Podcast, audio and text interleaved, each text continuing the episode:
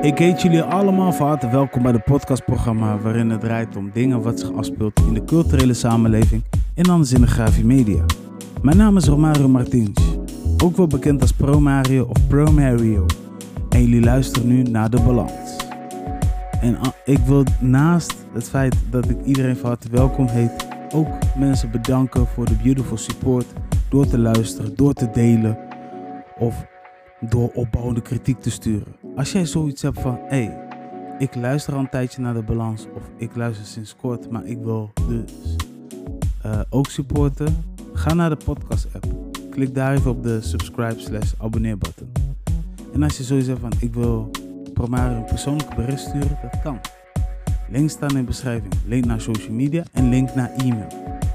Kies maar waar je me benadert en ik zal echt mijn best doen om zo goed mogelijk te reageren op je bericht. Je toch, ik, soms kan ik er ook niks aan doen dat er al heel wat berichten binnenkomen, maar ik probeer daar wel zo goed mogelijk uh, op te reageren en wat liefde terug te geven. Elke support wordt gewaardeerd en natuurlijk support in positieve vibes. Dus dat. Uh, voor degenen die dus de vorige aflevering hebben gemist. Ik heb een toffe aflevering mogen maken met Ben Mensa. Een, uh, ja, een schrijver, een spreker en een danser slash workshopdocent. En we hebben het vooral gehad over zijn boek. Liegen totdat je gelooft. Een boek uh, dat gaat over dingen in je eigen leven waar je waarschijnlijk niet heel vaak bij stil hebt gestaan. Ik zou zeggen, go check that episode out. En bij stilgestaan, daar bedoel ik meer mee met mentale gezondheid, uh, jezelf onderschatten of overschatten. Ik zou zeggen, check it out. Check it out. En dan gaan we nu over naar het uh, onderwerp van deze episode. Ik heb hier uh, lang over nagedacht. Nou, niet nagedacht. Ik heb dit al heel lang in de planning staan, maar ik denk, weet je wat? Ik neem het gewoon op. Je gepasseerd voelen. Iedereen heeft wel zijn of haar momenten gehad op verschillende locaties. Dat kan zijn sportschool, school of eh, op het werk, tijdens uitgaan, op vakantie. Dat hij zeg maar zo enthousiast is, waardoor een ander geen interesse heeft en jou zeg maar aan de kant schuift. Ja, dan ben je gewoon gepasseerd. En dit zijn vaak dingen wat niet leuk is. En je vraagt je natuurlijk af waar dit vandaan komt. Komt dit vanuit mijn kant weg? Ben ik heel vervelend? Of heb ik een andere soort vervelende aura? Wat is het? Om er echt, maar dan ook echt achter te komen, dan moet je naar diegene toestappen. En vragen hoe het gaat. Natuurlijk, want daar begin je mee. En als je merkt al dat die aura gesloten is, of als je merkt dat diegene anders gedraagt dan wat je normaal gewend bent, dan weet je in ieder geval, er gaat iets niet goed. Maar dan moet je alsnog gaan vragen van, hé, hey, of gewoon vermelden van, hé, hey, luister, ik merk dat jij nu afstandelijk doet of anders doet. Wat is aan de hand? En dan krijg je eigenlijk het antwoord. En vaak kan het gaan om jezelf, maar vaak kan het ook gaan om wat heel wat anders. Gewoon een persoonlijk ding. Ik zou zeggen, als jij um, het gevoel hebt dat het over jou gaat, ga de actie ondernemen. Maar als je het gevoel hebt van, dit gaat niet over mij, ga er niet te zwaar aan tillen. Weet je, uh, het is ook zonde om heel lang mee te malen of whatever. Kijk, ik heb wel eens vaker mensen het gevoel gegeven dat ze zich gepasseerd voelen, terwijl dat niet zo is. Maar ik heb ook wel eens vaak het gevoel gehad dat ik aan de kant ben geschoven.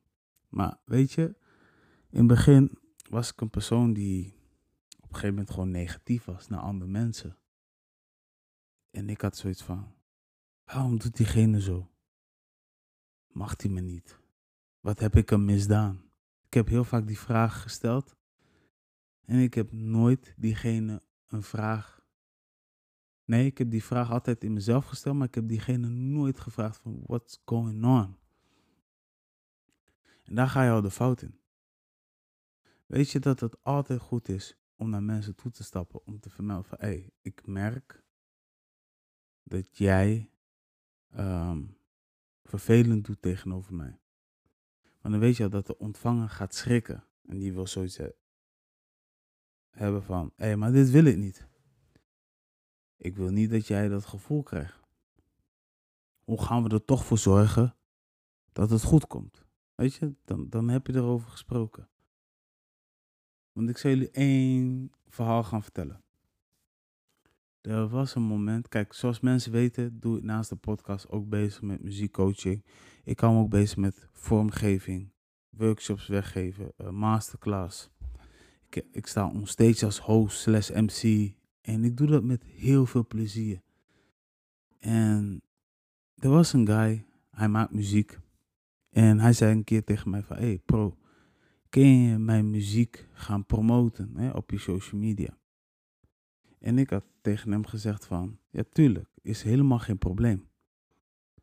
En tuurlijk, belofte, ze zeggen altijd belofte maakt schuld.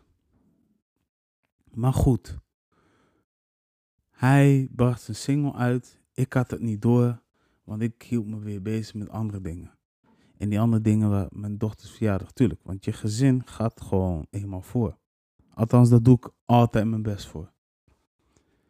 Maar die guy had dus op de verjaardag van mijn dochter berichten gestuurd. Dus die had ook niet door waarschijnlijk met waar ik bezig was. Op een gegeven moment ging hij mij op social media unfollowen. Op een gegeven moment ehm, ging hij niet meer reageren op WhatsApp groepen. Dus ik had echt zoiets van. En dat was een maandje later van. Ik merk dat die jongen niet reageert. Ik dacht, weet je wat? Ik ga even iemand anders benaderen. Die hem ook super goed kent. Om gewoon te checken van of hij het over mij heeft gehad. En ik zeg je heel eerlijk, dat was de stomste zet die ik heb gemaakt. Omdat ik ga niet iemand anders de vraag stellen. Ik moet gewoon rechtstreeks naar diegene toe gaan.